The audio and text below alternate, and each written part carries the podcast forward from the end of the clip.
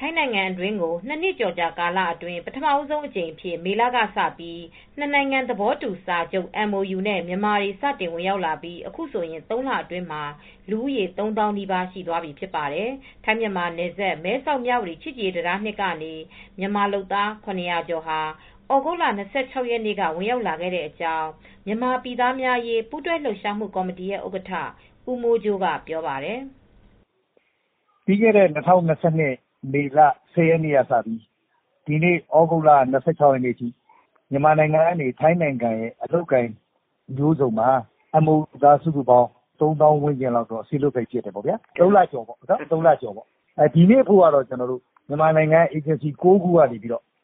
MOU လုပ်သား ၇၀၀ ကျော် စေလွှတ်ခဲ့ပါတယ်။သူတို့တွေက ထိုင်းနိုင်ငံမှာရှိတဲ့ စက်ရုံအလုပ်ရုံတွေ၊အီလက်ထရောနစ် လုပ်ငန်းခွင်တွေ၊စားသောက်ကုန် လုပ်ငန်းခွင်တွေ၊ပင်လယ်အစားအစာ ထုတ်လုပ်ရေး လုပ်ငန်းခွင်တွေ၊ဆောက်လုပ်ရေး၊ ခြံတောင်ယာ၊မွေးမြူရေးစတဲ့လုပ်ငန်းခွင်တွေမှာ လုပ်ကိုင်ကြရမှာဖြစ်ပါတယ်။" MOU နဲ့ လာရောက်လုပ်ကိုင်မယ့် မြန်မာအပါအဝင် ကမ္ဘောဒီးယား၊လာအို၃နိုင်ငံက ရွှေ့ပြောင်းအလုပ်သမား ၁၄၀,၀၀၀ ကျော်ကို ဧပြီလအတွင်း အလုပ်လုပ်ခွင့်ပါမစ်များ ချပေးခဲ့ပြီး ဒီထဲမှာ မြန်မာအလုပ်သမား ၁၀၀,၀၀၀ ကျော်ကို ခေါ်ယူဖို့ ဆုံးဖြတ်ထားတာပါ။ ကုန်ကျစရိတ်တွေများပြီး တရားဝင် နှစ်နိုင်ငံသဘောတူစာချုပ် MOU နဲ့ လာပြီးမှ စာချုပ်အတိုင်း မဖြစ်ဘဲ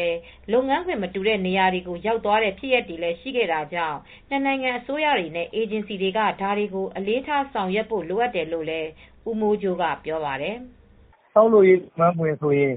ရာဘာခြံထဲကို ရောက်သွားတာမျိုး၊ပင်လယ်အစားအစာ ထုတ်လုပ်ရေး လုပ်ငန်းခွင်လို့ သတ်မှတ်ထားတာဆိုရင် တခြား ခြံတောင်ယာထဲကို ရောက်သွားတာမျိုး အလားတူ ဖြစ်ရပ်တွေလည်း ရှိပါတယ်။"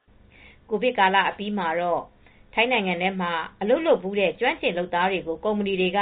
ကုန်ကျစရိတ်မပေးရတဲ့ Zero Cost စနစ်နဲ့ ခေါ်ယူပေးတာတွေလည်း ရှိခဲ့ပါတယ်။ဒီစနစ်ကတော့ ကောင်းမွန်ကြောင်းတဖက်တလမ်းကနေ အလုပ်သမားတွေရဲ့ အခက်အခဲတွေကို ဖြေရှင်းပေးရာ ရောက်တယ်လို့လည်း ဦးမိုးကြိုးက ဆိုပါတယ်။"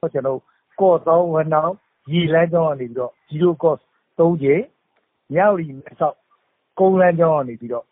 Zero Cost နှစ်ကြိမ် ရရှိထားပါတယ်။ အဲဒီလို Zero Cost ရရှိခြင်းအားဖြင့်မြန်မာနိုင်ငံဘက်မှာအစိုးရ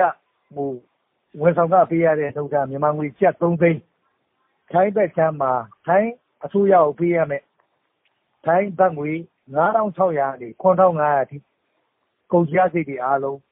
သက်သာပြီးအခမဲ့ရရှိသွားတာဖြစ်ပါတယ်။"အခုလို MOU နှစ်နိုင်ငံသဘောတူစာချုပ်နဲ့တရားဝင်လမ်းကြောင်းကနေအလုပ်သမားစေလွှတ်တာတွေကအရေအတွက်အားဖြင့်နည်းပါးနေသေးတာ၊ ကြန့်ကြာနေတာတွေ ရှိနေတာကြောင့် အလုပ်အကိုင်ရှာလိုတဲ့ မြန်မာတွေဟာ တရားမဝင်လမ်းတွေကနေ ဝင်ရောက်လာနေပါတယ်။